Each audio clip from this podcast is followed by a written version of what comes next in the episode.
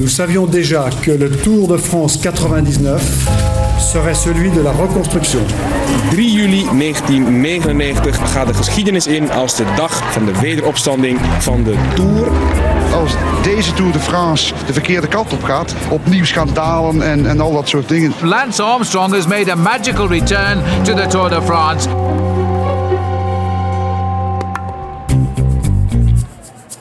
Radio Tour de France verslaggever Steven Dalebout onderzoekt hoe de tijd onze kijk op de wielergeschiedenis verandert. In een nieuwe aflevering van Toch nog een Tour. Het is begin juli 1999. Ik heb net mijn middelbare school afgerond en begin aan de laatste zomer in mijn ouderlijk huis. Bij ons thuis kijken we tennis. Pete Sampras gaat Wimbledon winnen.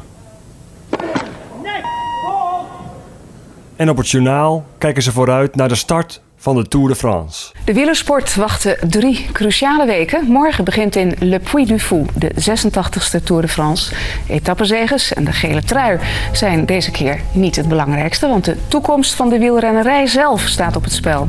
Het gaat over EPO, groeihormonen en corticoïden. Dans le seringue, ça dépend. Il y a de l'EPO, il y a de hormones de croissance, il y a aussi des corticoïdes. Maar ik ben 17 jaar oud en ik ben vooral met mijn eigen hormonen bezig. De Tour de France gaat dat jaar volledig aan mij voorbij.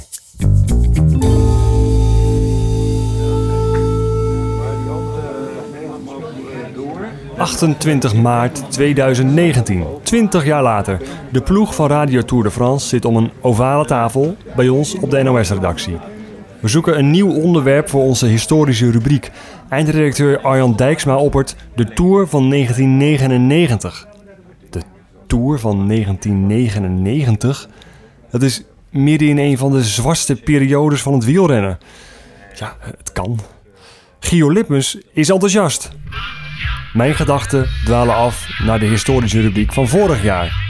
Die ging over de overwinning van Jan Jansen in 1968. Zo leuk zal het dit jaar niet worden.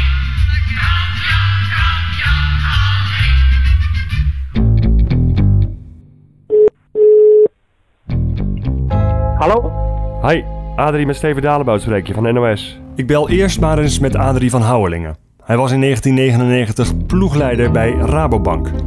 Het zou mooi zijn als ik eens bij hem langs mag komen om over die Tour van 1999 te praten. Eén gelukje heb ik alvast. Adrie heeft vorige zomer die rubriek over Jan Jansen in 68 gehoord. Ja, ja, ja zeker. Ja. Ja. En dit jaar gaat het over de eh, Tour van 99. Dat was een eh, heel andere Tour natuurlijk dan die van 68. Maar toch ook wel vrij eh, memorabel, lijkt me. er gebeurde genoeg, toch? ja. Ja. ja, er gebeurde genoeg, ja. Terwijl ik als 17-jarige de discotheken afliep in die laatste zomer voordat ik ging studeren, reed in Frankrijk Lance Armstrong rond als verlosser op twee wielen.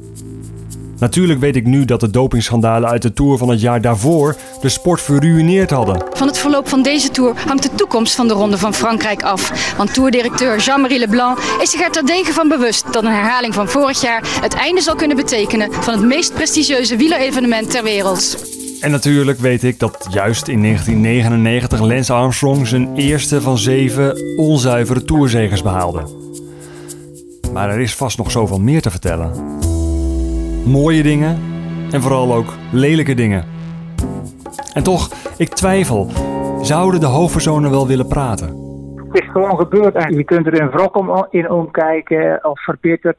eh, maar het, is, ja, het schetst wel een tijdsbeeld in het wielrennen. Ja. En, en nou vroeg ik me ook af, zou ik een keer met jou eh, een interview mogen opnemen over, over die tour? Eh, om te gebruiken in die rubriek. Ja, ja. Ik, eh, eh,